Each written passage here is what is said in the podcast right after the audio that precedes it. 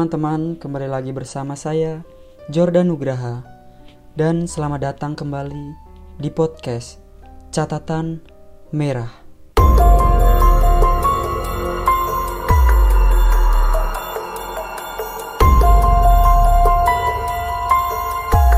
Di episode kali ini saya kembali lagi akan membacakan cerita yang telah masuk melalui email catatan merah. Selamat mendengarkan.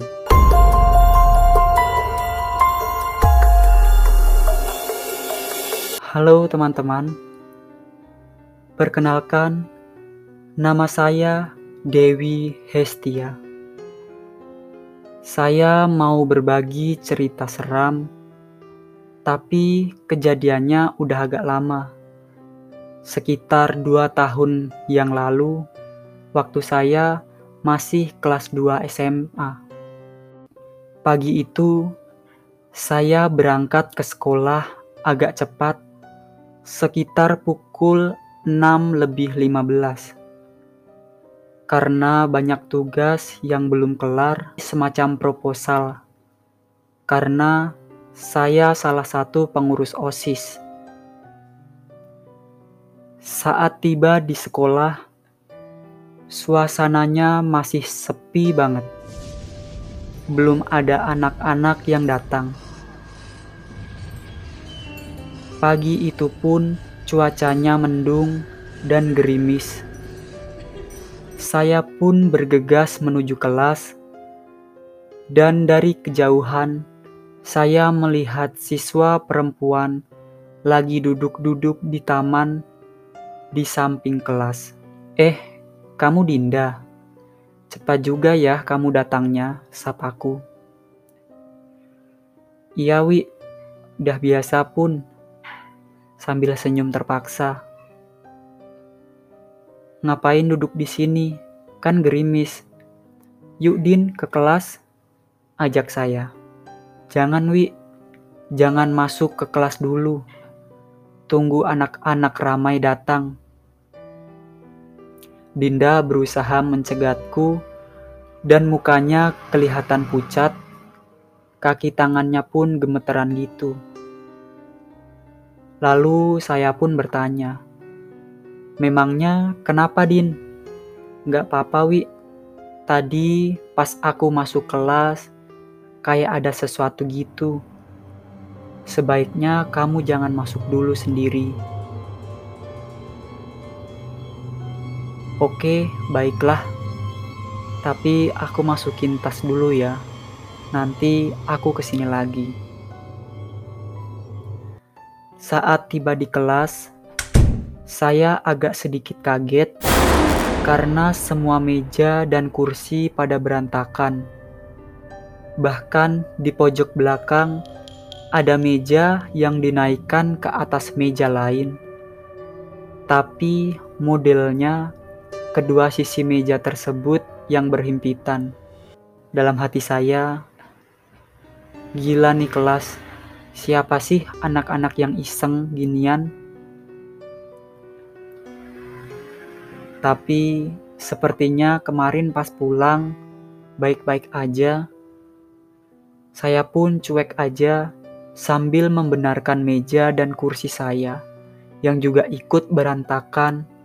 Soalnya saya harus menyelesaikan proposal dana untuk perayaan maulid di sekolahan.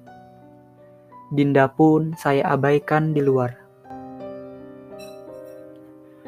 Saat sedang asik-asiknya menulis, tiba-tiba aja suasana di kelas terasa aneh. Kadang tercium aroma daun pandan dan wewangian yang begitu menyengat. Saya pun masih tetap cuek dan biasa aja. Namun, tiba-tiba dari belakang terdengar suara meja digeser. Pas saya menoleh ke belakang,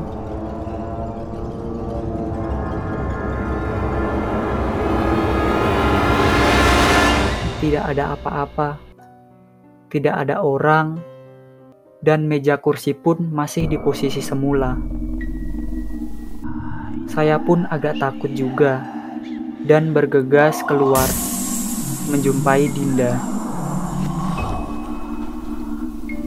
Saya pun bertanya kepada Dinda, "Din, maksud kamu tadi melihat sesuatu itu apa sih? Kok nggak ada apa-apa kok di dalam? Ayo temani aku di kelas, banyak tugas nih."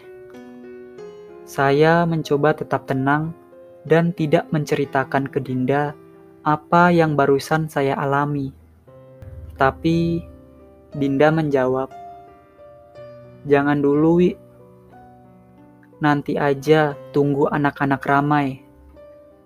Tadi pas aku masuk kelas sendiri, aku ngelihat meja dan kursi melayang-layang gitu. Aku mencoba teriak dan berlari dari situ, tapi nggak bisa. Agak lama tadi saya ketakut, ketakutan di kelas sendiri. Jadi, Dinda memang sering mengalami hal-hal aneh di sekolah, dan dia sangat sering kesurupan. Lantas, dalam hati saya berpikir, "Oh, jadi kelas berantakan tadi apa karena itu?" Lalu sekitar 20 menit kemudian, suasana sekolah sudah agak ramai dan terlihat cuma Chandra dan Firman teman kelas kami yang baru datang. Din, yuk masuk kelas. Tuh Chandra dan Firman sudah datang. Gerimis nih. Akhirnya, Dinda pun setuju dan barengan masuk ke kelas. Namun, tiba-tiba belum sempat Dinda meletakkan tasnya, dia terlihat bersikap aneh, seperti orang ketakutan karena melihat sesuatu yang mengerikan. Mukanya terlihat pucat, matanya agak melotot, dan sambil berjalan mundur menuju pintu kelas. Din, kamu kenapa? Tanyaku. Ayo keluar. Tolong bawa keluar aku dari sini. Kamu kenapa, Din? Kamu lihat apa? Tanyaku. Firman dan Chandra kelihatan heran. Wi, tolong pegang tanganku. Aku mau jatuh. Gak kuat berdiri nih. Ayo kita keluar dari sini, pinta Dinda. Dia pun terlihat pucat dan lemas sekali. Aku pun bergegas memegang tangan Dinda, dan Chandra pun aku minta untuk membantu. Namun, sikap Dinda makin aneh dan berteriak-teriak gitu, dan tangannya sangat dingin. Firman, jangan di situ, dia ada di sebelahmu. Perempuan itu ada di sebelahmu, teriak Dinda.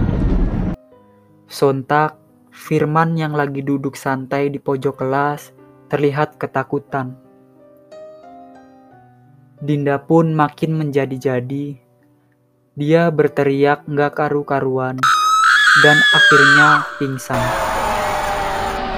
Kami bertiga pun kebingungan dan karena takut, kami putuskan membawa Dinda ke rumah penjaga sekolah karena kantor guru belum buka, masih terlalu pagi. Setelah Dinda sadar dan keadaan normal kembali, Firman bertanya apa yang dialami Dinda tadi. Cerita Dinda pun membuat bulu kuduku berdiri, dan dia mengatakan, pas di dalam kelas, dia melihat seorang wanita yang berpakaian putih, rambutnya panjang, dan agak acak-acakan gitu. Makhluk itu duduk di atas meja pojok belakang tepat di dekat firman tadi. Dinda juga mengatakan, ketika makhluk itu berdiri dan hendak mendatanginya, bentuknya seram sekali, seperti kuntilanak, tapi berbadan besar. Bahkan, makhluk tersebut sedikit menunduk ketika hendak mendekatinya, dan pundak dari makhluk itu menyentuh langit-langit kelas kami. Oke, teman-teman, sekian podcast catatan merah kali ini. Jika kalian punya pengalaman horor yang juga ingin dibagi, kalian bisa kirim melalui email catatan merahku at gmail.com. Terima kasih dan sampai jumpa di podcast catatan merah selanjutnya.